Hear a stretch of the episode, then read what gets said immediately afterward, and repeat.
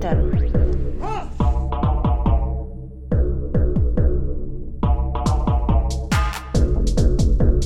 Berätta inte för mig om det svenska klassamhället. Jag har sett det.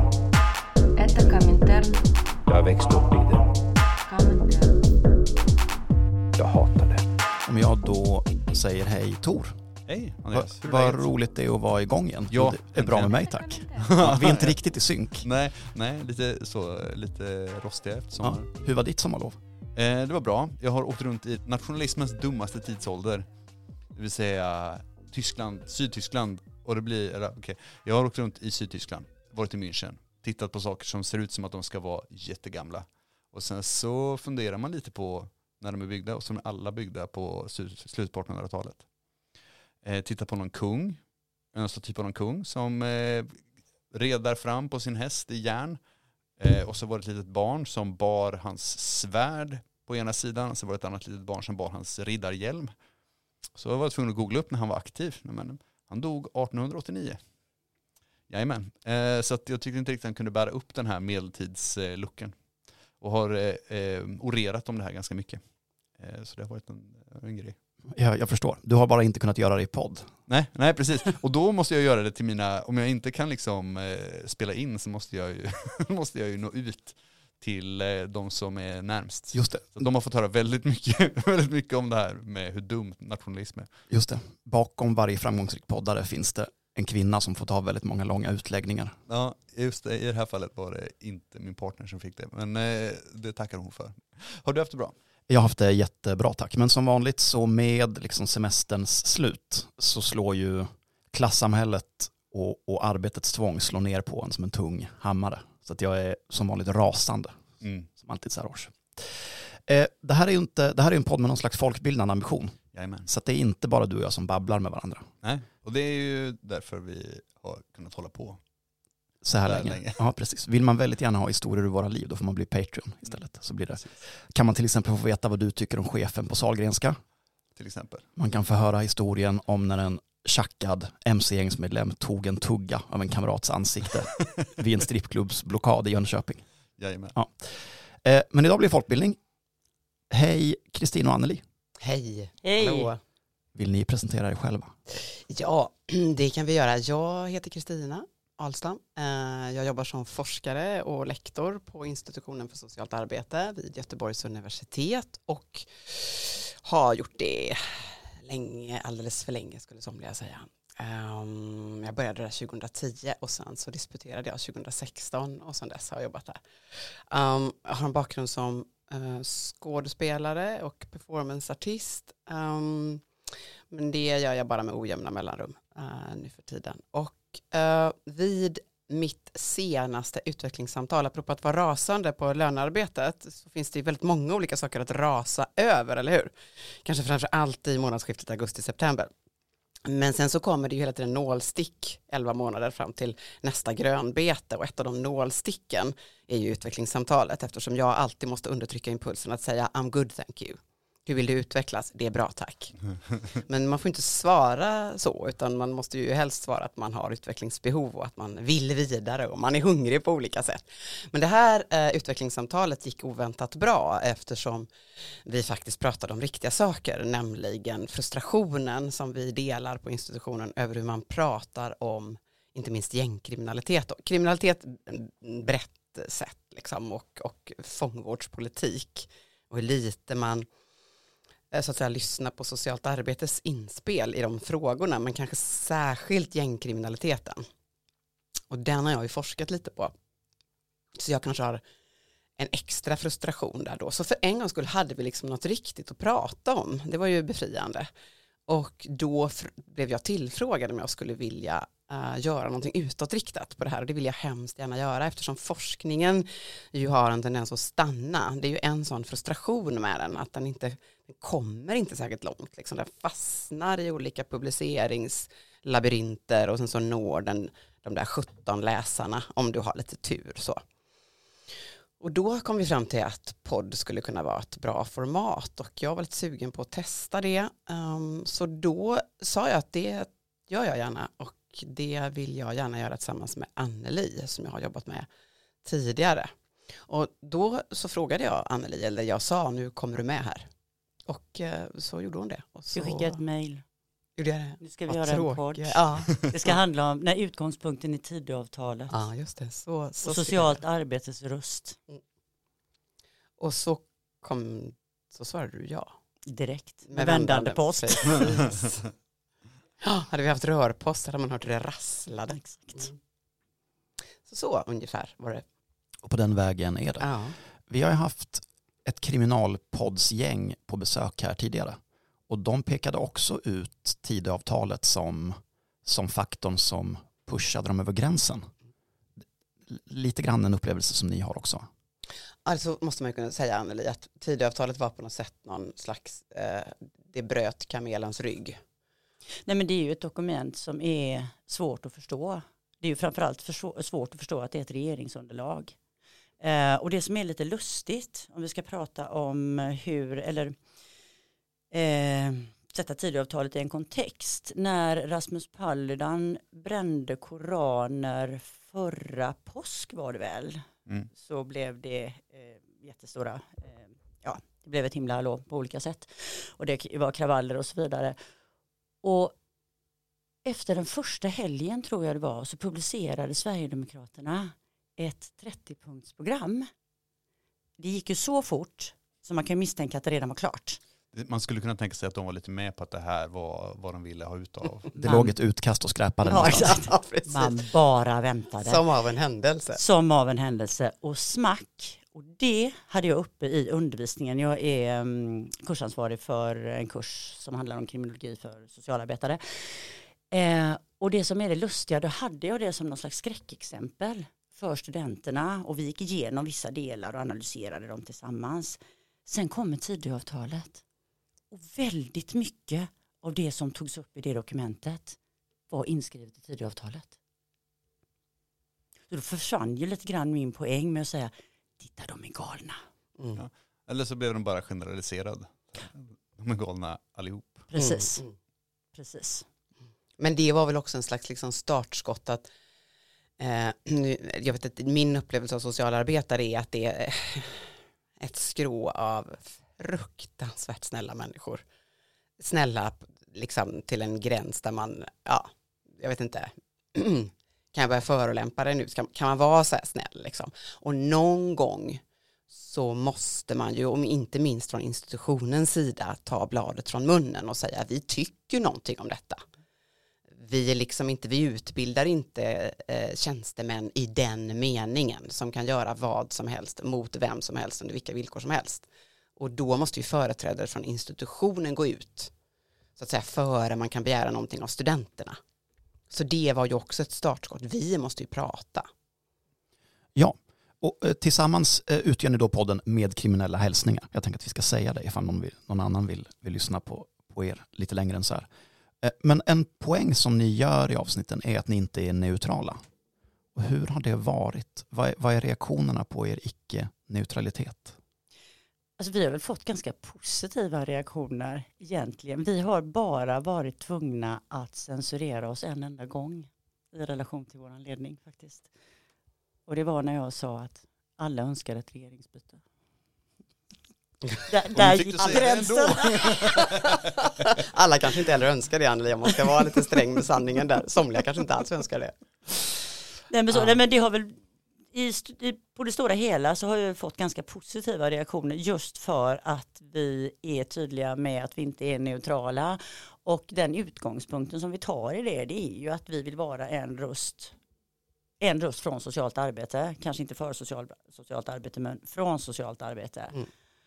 Men också för att lite grann, om man är, för att slå hål på den här konstiga, nu kallar jag det för statsvetarmyten, liksom att, eh, för jag uppfattar att man på vissa delar av Samfac kanske eh, betraktar sig själv mer som någon sorts sådär eh, neutral spokesperson för någon allmän bara fakta som flyter omkring där ute. Så det här handlar ju lite grann också om att kontextualisera ja vad är för det första, kan du ha en åsikt om kriminalitet eller kriminologi utan att ha, utan att det samtidigt är ett ideologiskt påstående. Jag skulle vilja svara nej på den frågan. Det kan du inte. Du är ideologisk. Om du sjösätter ett preventionsarbete någonstans i någon förort någonstans, kan du göra det utan att ha en ideologisk botten? Nej.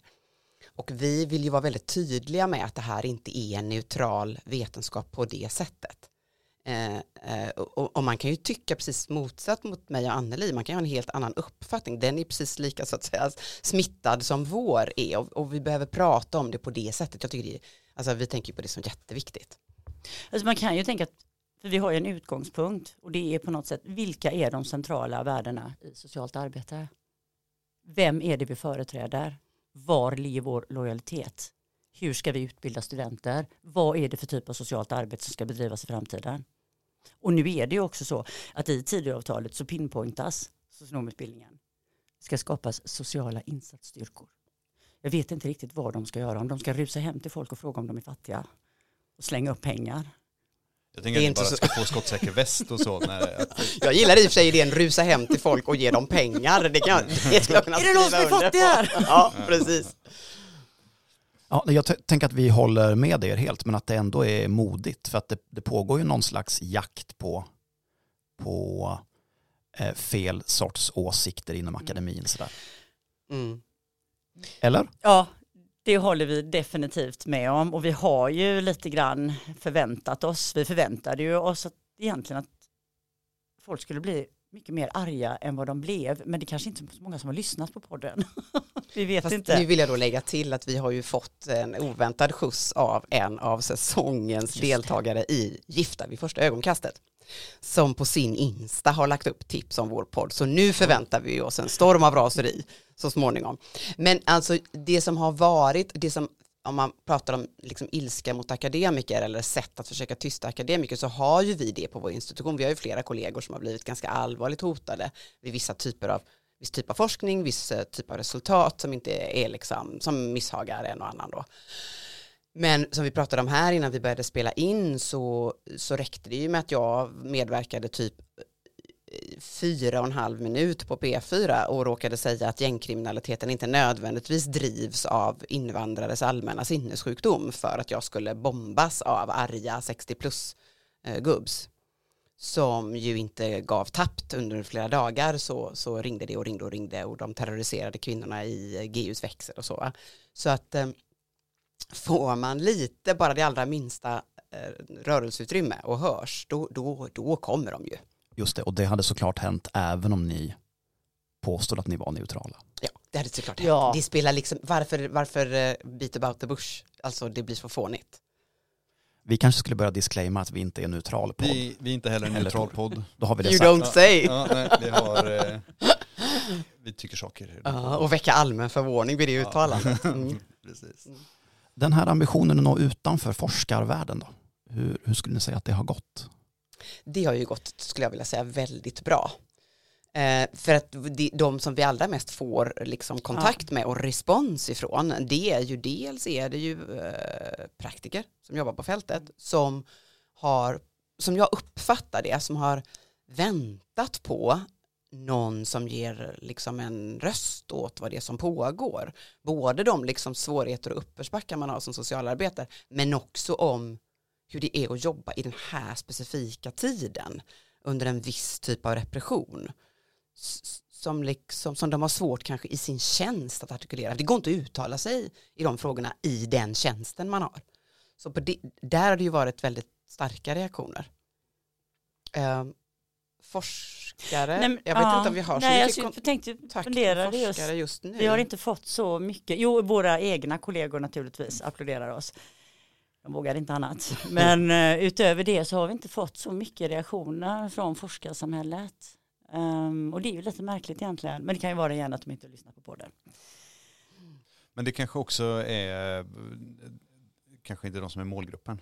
Nej, de är inte de- målgruppen. Läser väl de här tidskrifterna Ja. och håller sig ajour med hur forskningen ser Mm. ut. Det är det som är hela vitsen med att vara sån eh, forskare, alltså så här, vad säger man, språkrör för forskning eller Mm. Vad på engelska kallas för science educator, att man, man inte bara forskare utan man är också någon som ska liksom man vi får ut forskningen Mm. till, till allmänheten. Liksom. Det är viktigt, jag tänker att det är en viktig del i det här. Nej men precis, men en del i det att vi valde att vara så tydliga med att vi inte vänder oss till forskarvärlden. Det var ju utifrån en artikel som tre statsvetare skrev, där de bland annat nämnde socialt arbete eller samhällsvetenskaperna, att vi väjer för de svåra frågorna. Vi vågar inte prata om det som är problematiskt. Vi undviker att forska om resultaten skulle visa sig inte stämma överens med våra ideologiska ja, tankar. Så då ehm, ilsknar vi till lite grann. Igen. Ja. Ja, men det är vi glada för. för jag tänker att den ilskan har, har blivit eh, podd liksom, i förlängningen.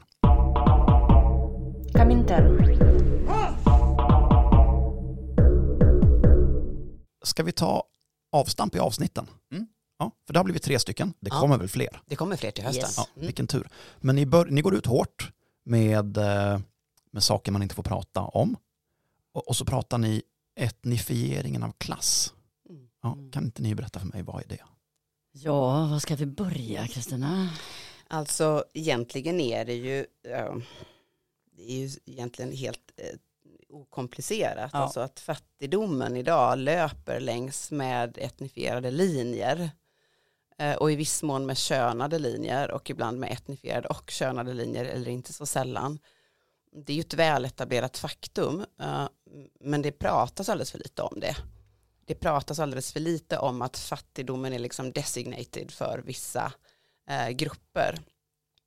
Eh, och att det skapas liksom någonting som är, jag vet inte vad man ska, längre vad man ska kalla det, men, men eh, det finns en fransk sociolog som heter Vacan som vi pratar en del om i, eh, i eh, podden som har förutspått det här. Och som dels har förutspått så att säga, framväxandet av de här grupperna eh, och hur man kan använda migrationen som ett vapen för att så att säga eh, ja, men till exempel plocka mera mervärde ur de här eh, grupperna genom att göra dem så utfattiga så att de till slut i princip piskas mot vilka jobb som helst och, eh, och i, också i samband med det öka repressionen mot dem. Så att ehm, om inte, socialt, om inte företrädare för socialt arbete skulle prata om de frågorna, då, det är ju som ett slags klassiskt tjänstefel. Och jag tänker också att etnifieringen och fattigdom har ju en annan rörelse också som handlar om föreställning om fattiga och fattigdom. Det är särskilda sorters människor som har kommit hit på senare år som drar med sig eller orsakar sin egen fattigdom, sin egen belägenhet så att säga. Så att det finns en politisk medvetenhet, någon utan kanske inte nödvändigtvis någon medveten strateg bakom det här bygget eller tankegodset. Men det finns en etnifiering av fattigdom. Nu ska vi förstå det här i de här termerna. Mm, precis, vi ska förstå det. I, och egentligen är det ju en väldigt klassisk tråp. Vi ska förstå fattigdom genom att förstå den fattiga istället för att försöka förstå fattigdom genom de strukturer som orsakar fattigdom. Det finns ju helt andra spelare långt borta eh, ifrån Lövgärdet och Rosengård och Hammarkullen som orsakar den här fattigdomen. Men etnifieringen av fattigdom, precis som Anneli säger, handlar också om att vi ska fästa blicken på det som byggs till ett dom. Och de är föreställt problematiska på olika, på olika vis. Så precis som Anneli säger så finns det liksom, det är som en dubbel bog eh, när man pratar om etnifiering. Och de orsakar också splittring. Landet slits i sönder. Alltså det, det är en retorik som är en krigsretorik utan dess like. Och som också egentligen är ju en så urgammal fattigdomsmetafor av liksom the- the deserving och undeserving poor. Så det är ju ett sätt att splittra ett löntagarkollektiv som är oerhört framgångsrikt. Det har vi ju sett de sista 15-20 åren. Det har gått riktigt bra. Uh, att alla har väl sett den där vid det här laget, den där bilden av ja, fabriksgubben och så det där stora bullfatet och så sitter det en svart kille och så sitter det en vit kille och så har han alla bullarna fabrikskillen och så, så pekar liksom han på den vite killen och säger liksom den här svarte killen tog din bulle och jag menar den är fånig och kanske lite utsliten fast den är en rätt bra summering av alltså fatt fattigdomspolitik de sista eh, decennierna. Jag pratade med en kamrat för en, eh, i samband med en födelsedagsfest för några år sedan. Och han, eh, han sa att så här, absolut, vi kan, ha, alltså så här, vi kan ha ett samhälle där man kan, där man kan få eh, mat hemkört för inga pengar alls och där folk liksom inte har någon som helst anställningstrygghet eller vi kan ha ett, ett samhälle där Foodora och alla de här gigjobben finns liksom. Men då kommer vi också ha ett samhälle där, där eh, folk tvingas vara eh, kriminella, där, eh, som blir mer osäkert för alla liksom. Framförallt de som tvingas ha de här fruktansvärt osäkra arbetena. Liksom. Ja, och dessutom så tänker jag om vi nu ska prata om prevention, alltså eh, att, att, att försöka förhindra att folk sugs in i kriminalitet, så kan man ju också lägga till att den, den här typen av framväxande eh, jobb innebär också att samhället har ju inget erbjudande. Nej, nej. Alltså, vad, vad är det du erbjuder mig? Ett, ett, ett gigjobb, är det det jag kan få om jag sköter mig då som en duktig fattig? Så det måste man ju också lägga till. Det finns inget erbjudande från vår sida. Nej, nej, jag har tänkt mycket på det, hur det är, hur det måste vara att växa upp och så tydligt vara, vara skurken i ett samhälle. Alltså att det måste, och, och få så lite, att, Sverige erbjuder så lite, om ni förstår vad jag menar. Att det, och sen avkräva de här människorna så här stark solidaritet och känsla för nationen Sverige. Nej, det finns eh, en konstig dubbelhet i det. Men om man, är, om man tänker på saken, om vi tänker på saken med gängkriminalitet till exempel, så är det ju ändå så att i vissa stadsdelar så är deras erbjudande det bästa erbjudandet. Absolut. De konkurrerar med staten. Det här är ju galenskap. De erbjuder jobb, eh, de erbjuder en möjlighet till någon form av klassmobilitet, åtminstone som en önskedröm. Alltså att nå de här kulturella målen som finns i samhället, även om man inte har de institutionaliserade medlen. Hur kommer det sig att, att samhället har dragit sig tillbaka på det sättet? Visst är det märkligt? Det är jättemärkligt och det här är ju något som, alltså samhället har ju dragit sig tillbaka från så många olika arenor. Nu blir det här en fråga liksom hur samhället, hur samhället backar liksom undan. Eh, och dels, alltså så här, samhället finns ju bara som en repressiv kraft på många ställen i, i svenska städer. Alltså så här, det, du, det du möter av samhället är polisen liksom. Men samhället har ju också dragit sig tillbaka från från landsbygden, liksom i Norrlands inland finns det ingenting liksom. Eh, inte ens ungdomar för att de måste flytta därifrån för att komma någon vart liksom. Så att det har ju varit en, alltså samhället som någon sorts, eh, jag vet inte, hjälpande hand eller man ska säga, har ju verkligen varit på reträtt från överallt. De senaste, jag vet inte hur, när man kan, när man ska dra startskottet liksom. 82 framåt.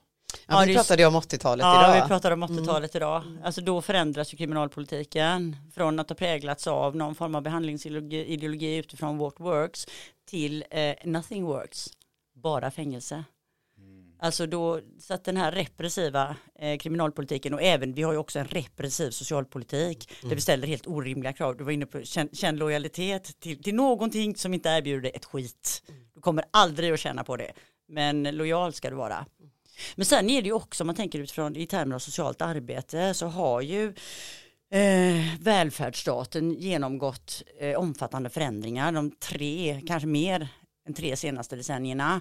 Eh, andelen, alltså privatiseringar har ökat. Andelen vinstdrivande företag som säljer välfärdstjänster har ökat markant. Konsulttjänster har ökat. Och det förändrar ju arbetssituationen för socialarbetare dramatiskt. De får en mycket sämre arbetssituation, de får svårare att utföra det professionella yrket som de faktiskt, som vi utbildar dem för. De vet hur man ska bedriva socialt arbete, men man är också utsatt för alltså marknadiseringen, new public management, hur socialt, sociala tjänster ska distribueras, organiseras och utföras. Det är, mm, allting ska gå att mäta i olika mål, eh, det, ska vara en, eh, det ska vara kostnadseffektivt, etc. etc. Så det är väldigt många andra värden som eh, premieras. Er gäst i, jag, jag tror att det är första avsnittet, sa någonting intressant tyckte jag, nämligen att, att, att de har en skyhög budget men att den används till fel saker. Mm, mm. Vad menar han då? Han, alltså, han har ju en poäng i att det inte är nödvändigtvis så att det finns eh, alldeles för få socialarbetare i Lövgärdet eller alldeles för få i, i Fittja liksom. Men den trenden som Anneli pekar på här, den innebär ju också då allt min, i takt med att dokumentationskraven ökar och, och, och ska man säga, någon sorts liksom vanvettig metodflora som måste appliceras eh, och säljs förstås också då av, av olika entreprenörer till olika kommuner. I takt med att allt detta ökar och i takt med det som vi såg före det skedde i Sverige så skedde det i Storbritannien. Accountability riktad mot socialarbetare. Går det snett så kommer vi efter dig eh, och i takt med att man behöver jobba med att hålla ryggen eh, fri så hamnar man allt oftare på kontoret eh, och det är klart att det går åt pengar när jag sitter på kontoret också men jag träffar helt enkelt färre och färre klienter jag är mindre och mindre ute i de områdena där jag ska vara ute, där jag ska förstå någonting. Alltså jag måste ju fatta mitt område. Jag måste veta vilka som bor där, jag måste veta om det har pågått konflikter, jag måste fatta vilka som var inblandade i den. Jag måste förstå vad som lades ner i förrgår eller att vårdcentralen inte funkar av det och det skälet. Kan jag inte sånt så kan jag inte arbeta i mitt område. Och det han pekar på som har skett det är ju liksom en tillbakarullning, inte av socialt arbete numerärt sett, men om du tänker som en rörelse ute på gatorna och på torgen och hos folk så har det ju skett en tillbakarullning. Så, så då kan man ju ha pengar men inte ha möjlighet ändå och ibland jag sökte medel för ett par år sedan tillsammans med en kollega inne på institutionen och vi kallade den um, ansökan som vi inte fick några pengar för men vi, den hette hemligt socialt arbete. Och det var för att vi ville fånga upp någonting som vi hade sett i andra empiriinsamlingar när vi har träffat praktiker, nämligen att de säger att ibland när de träffar klienter så gör de det i smyg. För de ska egentligen göra någonting annat, de ska sitta och tillfredsställa Treserva eller något annat system som de måste jobba i enlighet med. Och sen så smyger de sig till möten med de personer som de är till för. Eh, och då började vi prata om det som nästan något vet, så här klandestin, om man gör någonting i skydd av mörkret så utför man, man utför sitt kärn sin kärnverksamhet i hemlighet. Det tycker jag är jävligt, eh, det är inte bara deprimerande, det är intressant, eller intressant deprimerande. Ja, jätteintressant. Det låter ju som, ett, som att det ligger ett allvarligt systemfel bakom. Om socialarbetare måste vara gerilla Precis, och det var ju därför vi inte fick några pengar förstår du. Ja, och då tänker jag så här att om vi, om vi ser ett tillbakadragandet av, av statens mjuka verktyg samtidigt som repressionen ökar och då menar jag inte nödvändigtvis att polisen upplöser, upplöser folksamlingar fler än fem på Hammarkullentorget utan även att eh, skola och vård ska börja ange papperslösa eller att, det ska, att vi ska ha en folkräkning där, där eh, män i kostym ska gå och knacka på i utsatta områden för att se vilka som egentligen bor där. Vad gör det med förtroendet för människor som arbetar med socialt arbete? Har ni, någon, har ni tänkt på det? Ja, det är klart Ja. att ni har. Det har vi. Men jag skulle vilja backa lite grann. Eh, för att du sa eh, när, staten slår till, alltså när staten använder repressiva medel som styrningsmodell. Det är ju effektivt. Men utifrån det som Kristina precis nämnde. Det här med hur man styr socialarbetare genom att avkräva dem en fullständigt orimlig mängd dokumenterande. Detta är mjuka medel. Det är en fullständigt lysande styrningsform. Och det tar socialarbetares fokus från kärnuppdraget. Jag vill verkligen understryka det. Man behöver inte säga till socialarbetare nu ska du inte jobba med detta, nu ska du inte. Utan man ger dem massa fullständigt meningslösa arbetsuppgifter. Och så har man löst det. Tillbaka till din fråga. Vad sa du? Den var ganska lång. Eh, Vad gör det med förtroendet för personer i socialt arbete att, att statens mjuka verktyg drar sig tillbaka samtidigt som den hårda repressionen ökar? Kommer man i kläm? Ja, det gör man. Man kan titta på det trygghetsskapande arbetet till exempel, det som brukar heta trygghetsfrämjande och brottsförebyggande arbete. Ehm, och egentligen skulle jag, jag tycker att det är allra tyd, det är egentligen ännu tydligare om man skulle välja att titta på polisen istället. Ehm, eftersom de ju ska vara med i det här arbetet och eftersom polisen har ett ganska stort preventivt uppdrag. Det ligger i deras uppdrag från, från regeringen. Eh, de jobbar i enlighet med någonting som, heter, som de kallar för FAS-teorin. Där fas 1 ungefärligen är, nu är det jättejobbigt överallt och supermycket kriminalitet eller jättemycket våld. Så nu måste vi ägna oss åt tillslag och att lagföra folk. Liksom. Det får vara vår huvudsakliga sysselsättning. Och om man då har fått ett område under kontroll, då kan man gå in på fas 2 och fas 3 och de handlar mer om att söka etablera kontakt och relationer och visa att ja, polisen är inte farlig, vi är här för dig och så vidare. Och så vidare. Men det är, problemet här är ju att det är exakt samma människa som fällde mig i tisdags och la mig med näsan ner i en vattenpöl och halvt bröt min arm, nu står och är snäll farbror. Eh, så att överhuvudtaget är ju eh, alltså preventionsuppdraget som sådant är liksom bemängt med det här. Det här är det inneboende, den inneboende spänningen, det inneboende problemet. Och, och samma problem lider ju socialtjänsten av, därför att om det är så att det hela tiden blir svårare att få försörjningsstöd, vilket ganska många studier indikerar att det är, och försörjningsstödet inte heller följer med inflationen, vilket det inte gör, då har du en sida av socialtjänsten som säger nej, du ska fortsätta vara fattig, nej, du får inte av mig. Och en annan sida som säger, nu ska vi jobba med dina två äldsta söner. Det spelar liksom ingen riktig roll att det där inte är samma personer. För det var ju en annan sak som vår gäst den gången, eh, Andreas, lyfte.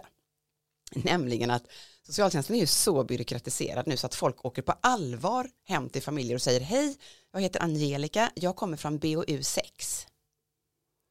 Det låter som någon läskig så, science fiction. Ja, till skillnad från Kalle som kommer från BOU 2. Ja, Och då skulle jag ju med en gång tänka, oj, sex, det måste, jag måste ju vara jävligt illa däran. Jag ligger inte ens på steg två, det är bara olika liksom, grupper. Hur ska man veta det? Det här är ett enormt problem för hela socialtjänsten och det är klart att man inte kan begära av individer som har det svårt att de ska skilja de preventiva delarna från till exempel den del som faktiskt avgör om jag kommer att kunna köpa gummistövlar till min femåring eller inte. Det, det åker ju naturligtvis ihop i en enda stor silo. Och det här är ett problem, det, och det är ett problem som socialtjänsten har haft väldigt, väldigt länge. Men jag, Jag har bara angående de här fasgrejerna, att så här, det känns som att man la ner fas 2 och 3 på 90-talet. Men han kanske inte. Nej men att, så här, att polisen bara, nej vi, vi bara lägger ner alla närpolisstationer och bara skiter i det här, det här hippietjafset så får vi bara, inga dialogpoliser. nej så får vi bara slåss mer typ. Ja. Jag vet inte, jag, Alltså, nej, jag har gjort lite intervjuer med poliser i ett annat eh, vad heter det, forskningsprojekt som jag gjorde som handlade just om brottspreventivt arbete i fyra så kallat, jag är verkligen extremt tveksam till den termen, men nu använder vi den, så kallat särskilt utsatta områden. Eh, och när man pratar med poliser själva, alltså de som har att göra detta, rensa källare på sandspåret i Hjällbo och sätta upp taggar och föra ut folk och liksom så. De är ju dödströtta på det här. Dödströtta. Eftersom de ju själva kan räkna ut att vad är jag mer än en kvalificerad städtant. Och sen så dyker det här problemet upp igen på nästa gård eller på nästa gata eller eh, men jag tror, så jag tror att, men jag tror också att det delvis stämmer att man om man inte vet varför man ska jobba preventivt och hur det ska gå till, om man inte har arbetsmodeller för det, då blir det ju som så väldigt mycket annat mest tomt prat. Ehm, och och, och det, det, den risken tror jag inte, den är nog inte jätteliten. Att det är det det blir, fluff. verkligen en, en värdegrunds eh, liksom, som ingen tar med sig ut ur Nej, vem tar någonsin med sig någon värdegrund någonstans? sin egen ja, det skulle vara den då. Jag skulle bara vilja återkoppla till eh, socialarbetare. Så tänker jag, för du frågade vad gör det med förtroendet? Och det här förtroendet, eh, det går ju i olika riktningar. Dels så handlar det om eh, folks förtroende för socialtjänsten. Och det handlar också om det förtroendet eller den självbilden, eller den bilden, alltså hur betraktar jag mig själv som socialarbetare? Och jag tänker att när socialt arbete, och det är inte bara jag som tänker det, det är också forskningen, blir mer repressivt, trots att vi har kvar de här värdegrunderna. I socialtjänstlagen står det att Sveriges socialtjänst ska vila på demokratisk grund, bla bla bla bla bla etc. När jag då begår våld på mig själv som socialarbetare, för jag måste utföra det här, då har jag också lättare att begå våld på andra. Även, det, det, alltså naturligtvis inga direkta våldshandlingar utan någon form av symboliskt våld. Så det gör ju någonting väldigt allvarligt, väldigt grundläggande. Det här äter ju sig in i systemet på något sätt. Men att man blir liksom en, en kallhamrad person efter ett tag. Liksom. Att You här, have to. Att, men precis, för att överleva i en miljö där man måste hela tiden vara den personen så kommer man också bli den personen. Antingen så, du förväntas vara lojal mot organisationen men du förväntas också vara lojal och företräda klienten. När du inte kan påverka organisationen så kommer du vända blicken mot klienten och säga nej men vad fan. Du får ta smällen. Bättre du än jag. Och det gäller ju till exempel skola också, eller vård förmodar jag. Ja, ja absolut. Man blir en väldigt effektiv fångvaktare till slut.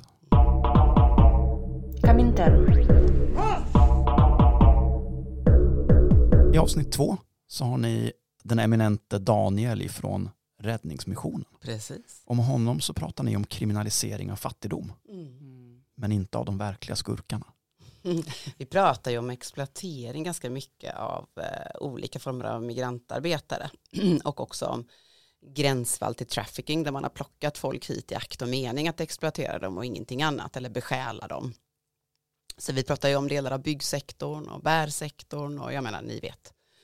Um, och på vilket sätt, uh, så att säga, hur valhänt det har skötts um, hittills och vad det är för villkor som man arbetar under när man befinner sig här.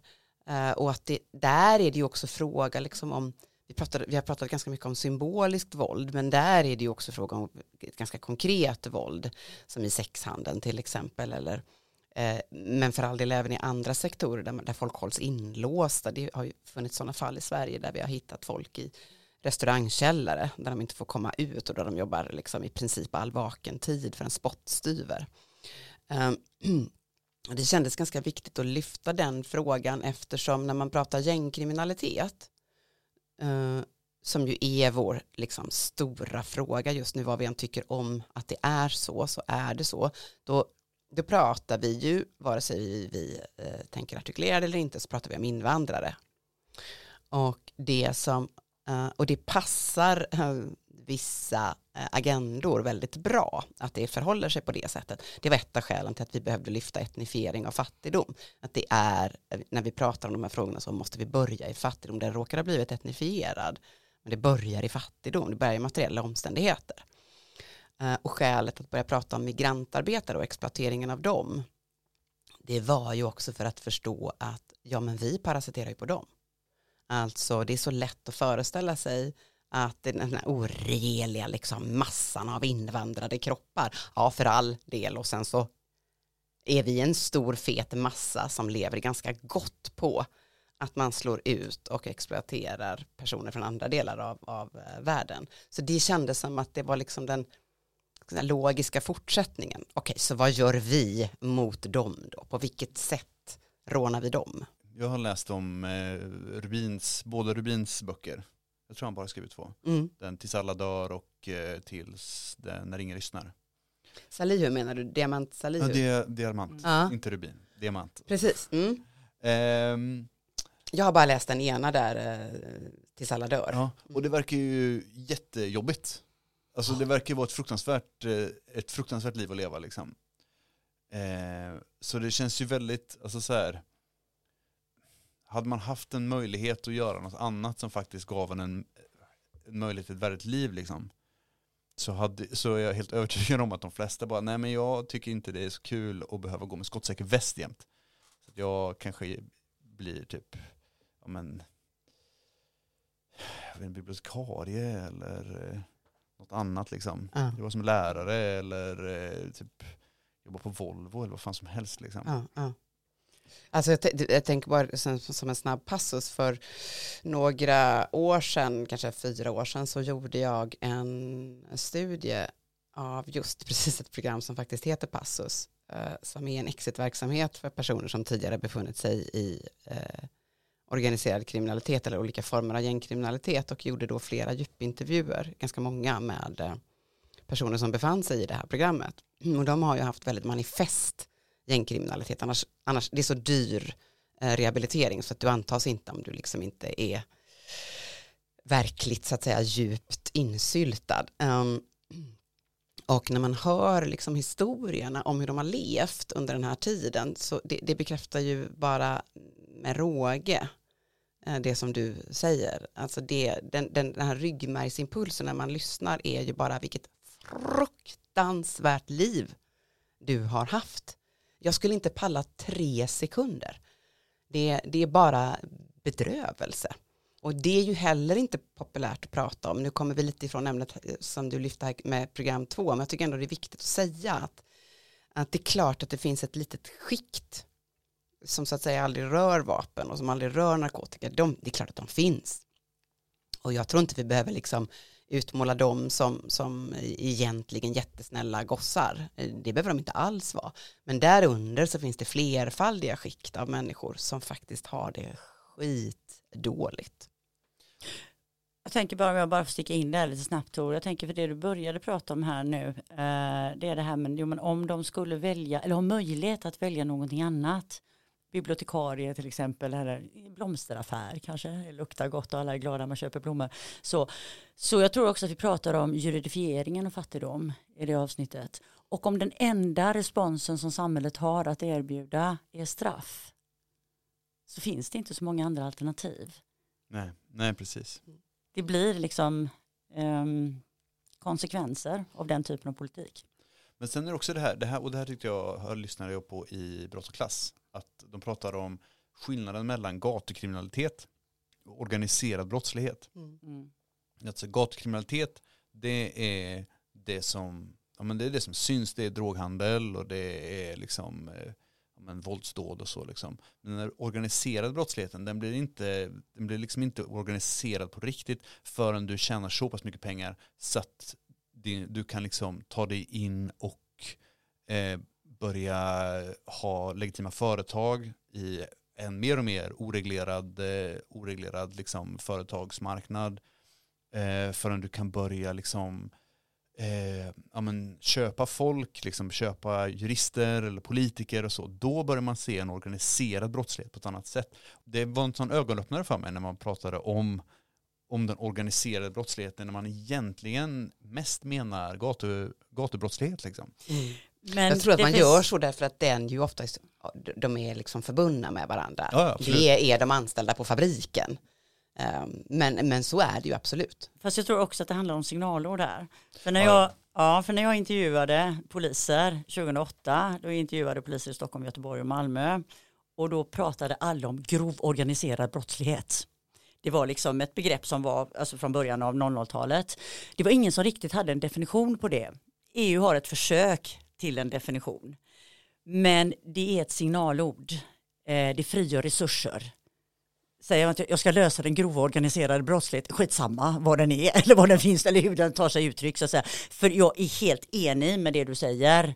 Det handlar jättemycket om street criminality eller street crime. Det är en synlig brottslighet. Den andra, den här liksom eh, vad ska man säga, högre upp i hierarkin när man sitter i kostym på styrelsemötena, man gör upp i bastun eller vad man nu eh, fattar sina beslut någonstans. Den ser vi ju inte. Nej, nej precis. Men apropå personer som inte har det så gött då. Så är ni, är ni bekanta med, med SACs solidariska byggare? Ja. Som är liksom en, en facklig sammanslutning för personer som kommer hit och jobbar under prekära arbetsförhållanden. De har precis släppt en liten bok som heter 100 vittnesmål från den nya arbetsmarknaden. Som är 100 väldigt korta, ja men gissar jag typ fackliga anteckningar av människor som har kommit så här. Uzbekistan, eh, jobbar svart på bygge, får ingen lön på tre månader, skuldsatt, bryter båda benen i en olycka. Ja. Och inte sällan så finns det en koppling till det som gemene man menar när de säger grov organiserad brottslighet, det vill säga att det kommer någon och hotar SACs förhandlare eller något. det är någon av dem som äger ett byggföretag. Eller, ja. Mm. Precis, och det pratade ju Daniel som var gäst i det programmet om svårigheterna därför att det kan, kan se helt legalt ut. Det finns papper eh, och den här firman som har rekryterat personal i någon annanstans men sen så finns det underleverantörer på underleverantörer på underleverantörer. Det går liksom inte att reda ut. Och byggbranschen är också extremt oreglerad. Precis. Vilket gör att den, är, att, men, att den är ganska lätt att ta sig in i. Så inte nog med, för när du talade om den, den stora massan som hade det ganska bekvämt eh, eh, så tänker jag att, att du syftade kanske på att är rätt eh, bekvämt att kunna få sin mat hemkörd billigt. Det är rätt bekvämt att kunna anlita någon som bygger svart. Mm. Det är rätt bekvämt att kunna äta blåbär som Mm. thailändskor har plockat Mm. nästan gratis. Mm. Men det är också väldigt många människor som gjort sig fruktansvärt rika på den här fattigdomen. Mm. Precis, och, och som också är, som blir fruktansvärt rika på den och som, är, och som är riktigt svåra att komma åt eftersom, precis på grund av det som Anneli säger, jag har ett kontrakt där det står att jag ska tjäna 30 600 kronor varje månad. Vad får jag på riktigt? Åtta. Och du håller inne dem dessutom i tre månader. Alternativt att man är skuldsatt redan vid ankomst. Det är ju ännu smartare. Det vill säga jag lånar dig pengar så att du kan resa ifrån Bangkok för att komma hit till mig, eh, till min skog. Ja, det är väldigt praktiskt. Ja, då är du ju redan min eftersom jag har lånat ut pengar. Så du får börja med att betala av skulden. Det här är ju ingenting som finns på papper. Så det här är också en brottslighet som är, om man nu ska prata om att det är knivigt och, och liksom krossa gängen, det här är också gäng som är rätt så svåra att, att krossa. Och som vi alla, precis som du säger, som vi ju drar nytta av. Det är bara att krafsa lite i bekantskapskretsen. Så det tar inte lång tid innan du hittar någon som har en, ja, som, som köper pizza via ett Foodora-bud. Liksom. Du, du behöver liksom inte leta i, i, i eh, sömnlösa dagar och nätter. Nej, så är det. Jag, jag kan föreställa mig att det är svårt att komma åt. Men finns det inte också från samhället stort ett visst ointresse? Det tror jag absolut. Tyvärr även från fackligt håll, men Ja. framför allt ifrån, ifrån polis och åklagares håll. Mm. Eller är jag ute och cyklar tror ni? Det tror jag absolut Både- inte att du är. Nej, alltså, nej, men jag tror både och där. Det finns vissa delar, om vi pratar till exempel trafficking, så har ju det haft enormt genomslag när det är trafficking för sexuella ändamål. Det har eh, nått ett jättestort genomslag. Men jag gjorde nya intervjuer med poliser och åklagare och företrädare för rättsväsendet, NOA, ehm, för justitiekanslern och så vidare. Um, man är inte så jättenöjd med att man börjar tala om arbetskraftsexploatering därför att det skymmer de här frågorna som rör trafficking för sexuella ändamål. Så att det finns på något sätt en, ja, det är inte ett helt, det är ett spänningsförhållande däremellan. Och sen tänker jag också att det sker ju, nej lite grann det här, det finns så många delar som är lagliga som vi har politiskt belyst, alltså fackföreningarna dessutom. Eh, jag läste ganska nyligen en studie som visade att fackföreningarna sysslar i huvudsak med individuella arbetsrättsliga frågor och allt mindre om generella frågor. Välfärdsstaten, det är inte längre sociala rörelser vi talar om. Det är något helt annat. Nej absolut, det är ju alltså hela LO-kollektivet är extremt liksom byråkratiserat och eh, väldigt knutet till socialdemokratin. Ja. Och när socialdemokratin har gjort en, en, en väldigt lång resa högerut så kommer ju såklart eh, LO också göra det. Liksom.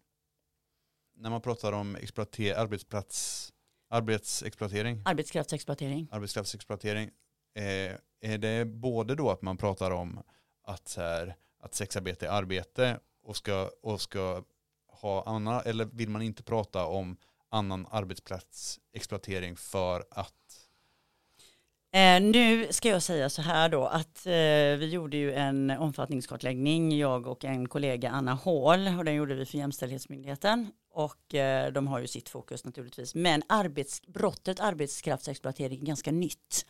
Det infördes 2018 och eh, trafficking eh, för sexuella ändamål och även för andra ändamål infördes i lagstiftningen 2002 tror jag, uppdaterad 2004 eller 2006. Men man är mindre intresserad av arbetskraftsexploatering helt enkelt. Jag kan inte, alltså jag, det här drar jag av de intervjuerna. Alltså vi pratar ju med personer som arbetar med eh, exploatering för sexuella ändamål och de är ju inte jätteglada utan det går alltså resurser till ja här ska vi jobba med det här sex och trafficking och helt plötsligt så är det några bärplockare uppe i Norrland som vi ska titta på. Ja fast det ingår ju i era arbetsuppgifter. det också finns en, en eh, kontinuitet sen, sen längre tillbaka men också Ja. kanske en, en moralistisk liksom, eh, komponent av det. Alltså, det väcker inte lika mycket känslor arbetskraftsexploatering som exploatering för sexuella ändamål.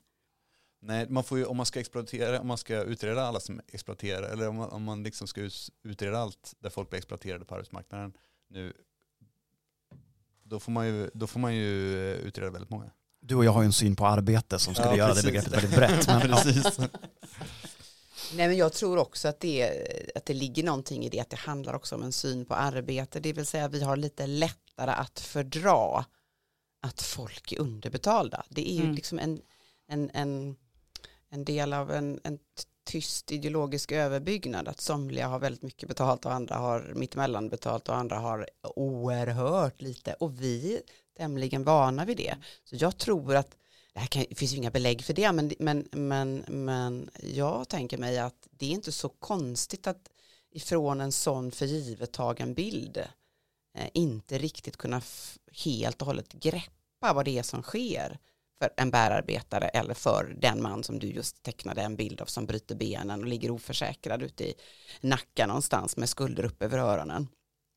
Det är inte, det är inte samma, alltså våra moraliska impulser väcks inte lika fort för vi, de är borttränade Mm. hos oss. Ja, det finns nog en rasistisk aspekt där också skulle jag tro. Oh, att- Dessutom. Absolut. Komintern. Apropå logiska fortsättningar, ska vi snacka hårdare tag? Ja, Ja, för visst är det temat för det tredje avsnittet. det är det. Ja, vad gör det för er och för personer inom socialt arbete? Hårdare tag-diskursen. Alltså för det första så um, ifrågasätter det ju på eh, ett väldigt grundläggande sätt kunskaper och färdigheter, forskning i socialt arbete. Man avfärdar det. Det är strunt, det är trams. Nu ska vi berätta hur vi ska hantera det här. Vi ska inrätta ungdomsfängelser och där ska alla sitta. Så att, ja, Intressant, för det låter så himla mycket som vad Hanna sa om den kriminologiska forskningen. Mm. Förlåt att jag avbröt Ja. Nej men det som är spännande, den utvecklingen som vi ser nu, att vi går mot allt en mer repressiv hållning över hela spektrat kan man säga. Det finns ingen forskning som stöder att det skulle lösa de problemen som de åtgärderna är riktade mot. Det finns ingen logik, det finns ingen rimlighet i detta. Och de empi- empiriska exempel vi har, som till exempel USA som Mm. byggde ut sina fängelser i en förfärlig hastighet under 80-talet, har ju inte sett någon som helst minskning av den allvarliga brottsligheten, ingen som helst minskning av våldsbrottsligheten, utan tvärtom så har man ju sett att det liksom skyrocketar uppåt. Så att det, det, liksom det som man empiriskt kan belägga är ju att resan ser precis motsatt ut, men diskursen stipulerar att det här ska och, och, och pratar man med folk så att säga, inom eh, kriminalvården så är det ju alldeles oerhört svårt att hitta någon som tror på, på den här idén. Ja, men jag tänker de är ju väldigt medvetna, alltså de jobbar ju nära detta och det, så det är ju som också är lite intressant om man tittar på återfallsstatistiken i Sverige. Nu är det ju en ganska liten del av personer som frihetsberövas som hela tiden återfaller, men ju fler gånger du sitter i fängelse, ju fler gånger riskerar du att sitta i fängelse i framtiden. Det borde ju säga någonting. Men det är att skrika i öknen, eller vad heter det? Det blir väldigt tydligt att så här, man plockar bort alla verktyg som man har för att, för man bara, men vi, vi ska ha hammaren. Det är det verktyg vi ska jobba med liksom. Mm. Eh, och då om man, alltså så här, om, det enda, om det enda man är villig att använda är eh, polis och fängelse, då blir ju allting kriminaliserat. Då blir allting ett brott liksom. Alla Ja, och hårdare brott. tag är ju också någonting som så att säga, det handlar inte bara om, om, om fängelset som påföljd. Bara den här idén liksom att eh, ett gram marijuana ska kunna ge sex månaders fängelse. Det låter ju bara bra i en och en halv sekund. När man inser att ja, sen är du 18 år och har en prick i fem år. Okej, inget körkort, de där första jobben du skulle kunna börja stapla på CV kommer du inte kunna få eftersom allt fler arbetsgivare idag de facto kollar upp det mot belastningsregistret. Så det som du säger är vilja åstadkomma en dipp i kriminaliteten, den kommer du ju inte åstadkomma, kort och gott. Och det här kommer ju också slå mot, alltså så här, när man pratar om vilka som blir poliserade. Vilka polisen Ja. riktar sig mot. Alltså så. Det, är inget, det, är inget, det är ingen hemlighet liksom att, att, eh, att överklassens barn och överklassen generellt knarkar också liksom. Men det är bara det att det är ingen som, det beivras inte. Nej men det, det, där blir ju brottsstatistiken väldigt intressant därför att den har ju väldigt mycket att göra med polisens arbetssätt och polisen riktar in sig på kända individer. För så kartlägger man så riktar man in sig på kända individer. Sen fortsätter man med det. Så hela rättsväsendet blir ju i någon liten mening i alla fall ett system som återvinner samma individer. Det är ju som ett, jag vet inte, perpetuum mobile. Det tar aldrig slut. vad är det de säger i The Wire? Eh, wherever you go, there you are. Ja. Att, eh, ja, men att så här, för att, eh, ja, men för att kunna, eftersom att vi har, och nu kommer vi tillbaka till eh, New Public Management, för att kunna hela tiden kunna, kunna peka på att så här, ja, men det vi gör är effektivt. Bara Ja. titta, titta hur många vi har lagfört. Och då måste man ju ha folk som man kan lagföra, Ja. eller så här, då blir det så himla enkelt. att bara, ah, ja men vi tar det igen, liksom. det var, ja, nu kör vi. Eh, så att det är ju ett, det är ju ett, eh, ett sätt att arbeta på som inte är, som liksom inte är tänkt att lösa några problem utan som är tänkt att lösa problemet så här, hur ska jag kunna dokumentera och få mer eh, och få resurser liksom. Men en sak som är intressant där också det är att man inte pratar om vad blir konsekvenserna för kriminalvården för de personerna som är frihetsberövade. I samband med den studien pratade om tidigare så intervjuade jag två eh, anstalter, det var eh, kvinnoanstalter, men de pratar ju jättemycket om att eftersom man har effektiviserat polisens arbete snabbare genom rättssystemet, snabbare till dom, snabbare till verkställighet, ja då har du överfulla fängelser. Och det leder ju till våld mellan intagna. Det leder till spänningsförhållande mellan intagna och personal, överbeläggning, det ligger två i celler som det bara ska vara en person som är byggda för en person. Och vi fortsätter, nu ska det ju ske en enorm utbyggnad. Vi ska ju ha, eh, vad är det, 8 till 16 fängelser illa kvickt om vi ska klara den kriminalpolitiska ambitionen som regeringen har. Och mellan 3 och 5 tusen kriminalvårdare ska nyanställas. Och folk flyr kriminalvården idag. Så jag vet inte hur de ska få ihop det riktigt. Ja, det är väl en tyst motståndshandling och bara att de inte får ihop det. Det hade Nej. varit, eh, jag hade tyckt att det var en fin liten streck. Det som Birgitta, vår gäst, pekade på som jag tycker är lite deprimerande i sammanhanget, det var ju att när man gjorde samma rörelse i USA, det vill säga byggde ut i väldigt rask takt, så klart att man hade rekryteringsproblem, det hade man ju förstås, enorma rekryteringsproblem. Men det som också sker, som jag tyckte att hon pekade så bra på, det är att när behandlingsideologin försvinner, eh, då försvinner den även bland den behandlande personalen de är ju liksom inga tabula rasa som är, eh, utan de, det, det skrivs ju in nya så att säga, diktat i dem. Så att man kunde också se en brutalisering bland den personal som var satta att verka i fängelset. Så att, eh, alltså jag vill inte låta allt för dystopisk, eller så vill jag det. Jag tror att det finns en uppenbar risk att lyckas man nu bygga ut x antal fängelser, så här många kommer man ju inte lyckas med, men så många man nu hinner sjösätta och få dit personal, då kan vi nog förutsätta att vi kommer se en ganska svajig situation vad gäller liksom relationen till de intagna. Men hon säger ju någonting som jag tycker sammanfattar så bra. Hon säger jag har närmare 50 år i kriminalvården. Jag har varit med om kriminalvårdens humanisering och nu är jag med om kriminalvårdens avhumanisering. Hur lång tid bort tror ni det är innan vi har liksom eh, klass A Capio i eh, någonstans Skänninge, Skänninge har en På en båt, upp och ner från en älv. Ja, men precis. Var inte det på tal? Var det inte någon gammal färja som skulle byggas The om beautiful precis? sceneries Ja. of. Mm. Nej men innan vi får en privatisering av fängelse. Ja, det ligger ju redan. Som ett, jag menar, ett halvt förslag skulle vi kanske kunna eh, kalla det. Ja, men får det här fortsätta?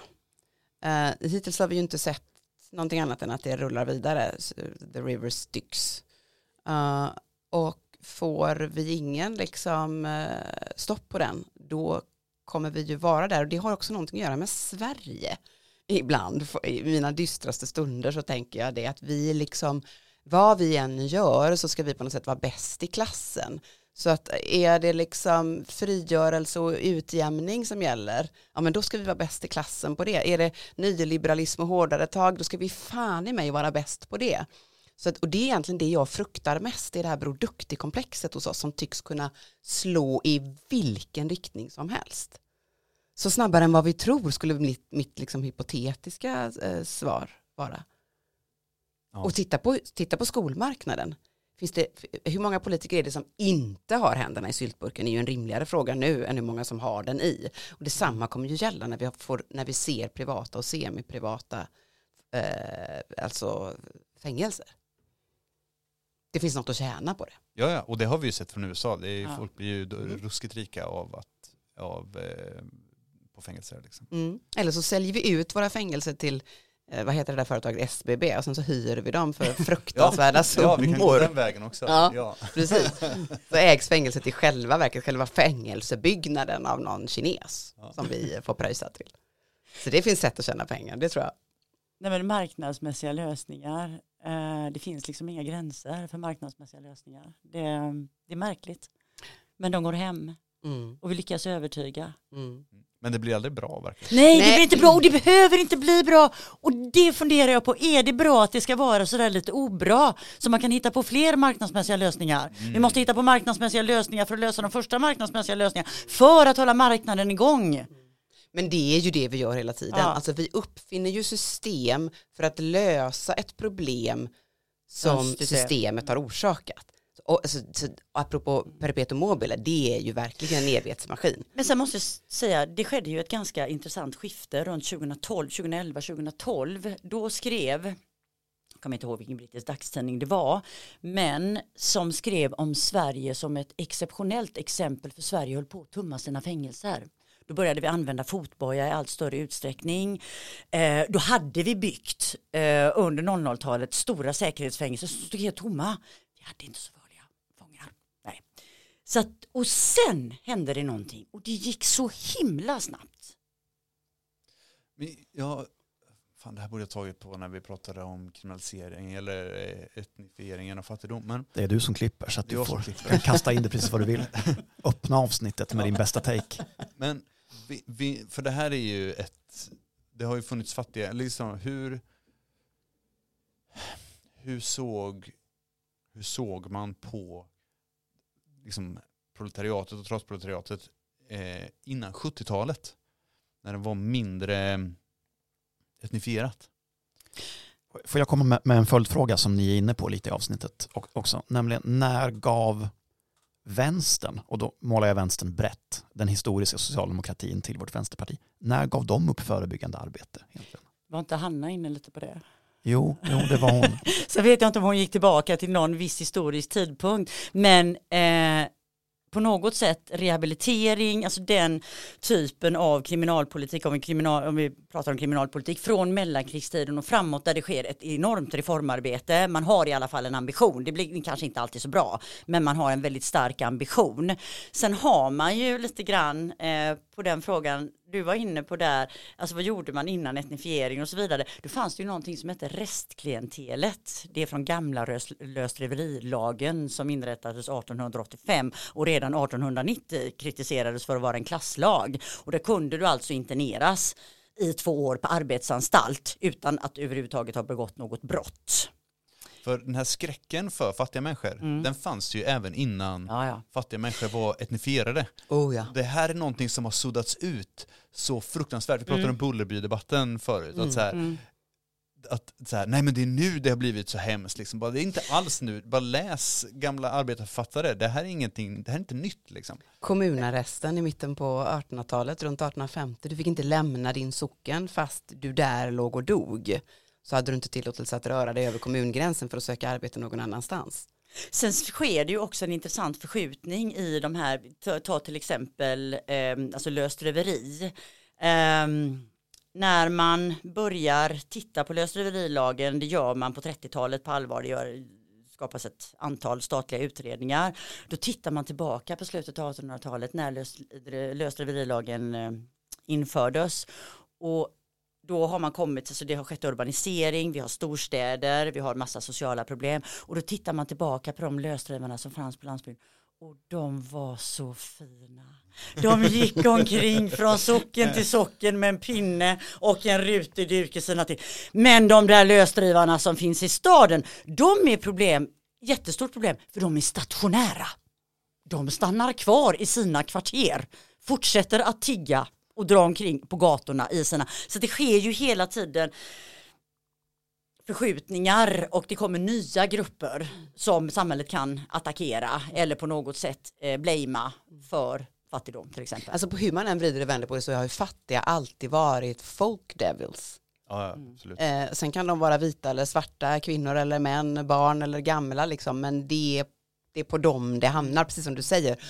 Förr i tidens fattiga, vad fina de var. Ja. Ja, Sådana ska vi ha tillbaka. visst var de.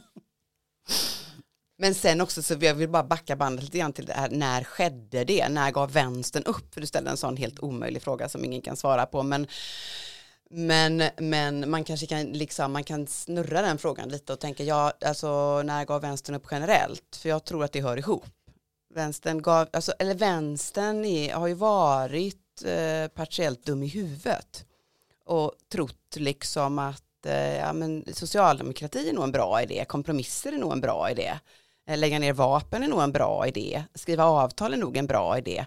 Eh, och jag menar parallellt med att det, det var ju ingen som, jag menar ja visst vi skriver det här avtalet, wait and see.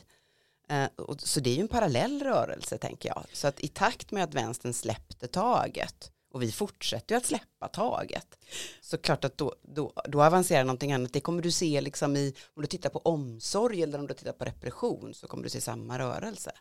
Men var inte vi inne på, eh, vi skulle ju prata om det i något av avsnitten, eh, det här med när släpper vänstern den här frågan? För det har ju aldrig varit en hög prioriterad politisk fråga för vänstern, alltså lag och ordning.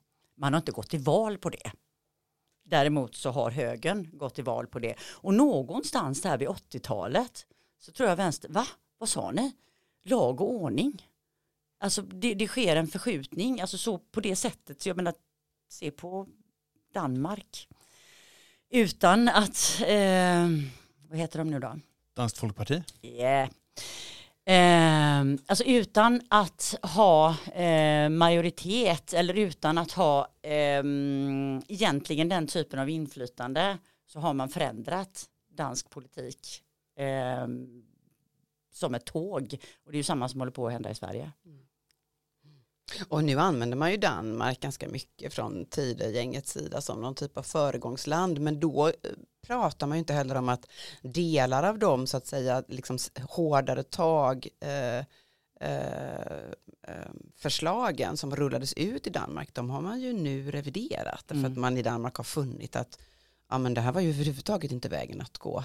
Eh, kostnaderna minskade inte, vi fick bara fler att lagföra och det blev en slags, som, som Anneli pratade om, en återvinningsmaskin. Okej, så delar av de här hårdare tagen var uppenbart empiriskt ganska så svaga. Så att i Danmark pågår ju nu delvis åtminstone en, en, en, en debatt om en, en självkritisk debatt. Men den vill man ju inte gärna återge från Tidö-sidan. Eh, men så ligger det ju till. Komintern.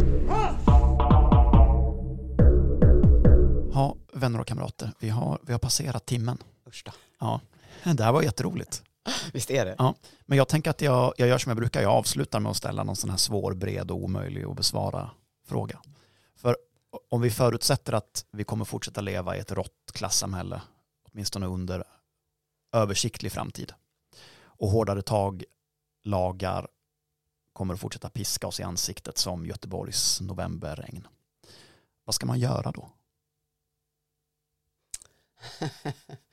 Eh, Finns det något ljus i tunneln?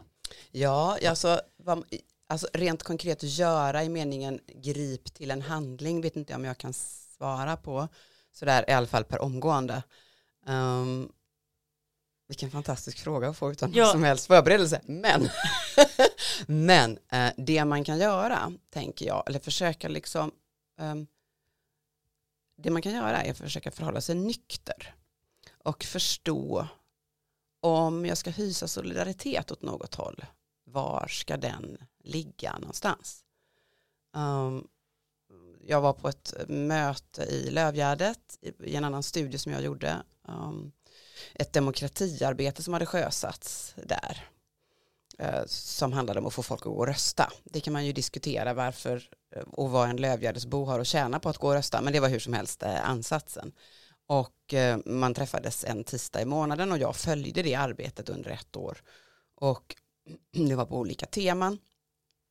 Och då var det en person, en alldeles väldigt vit man i medelåldern som sa i något sammanhang att jag har ju mer gemensamt med den ensamstående somaliska åttabarnsmamman än eh, vad jag har med Greger von Gregersson i Särö.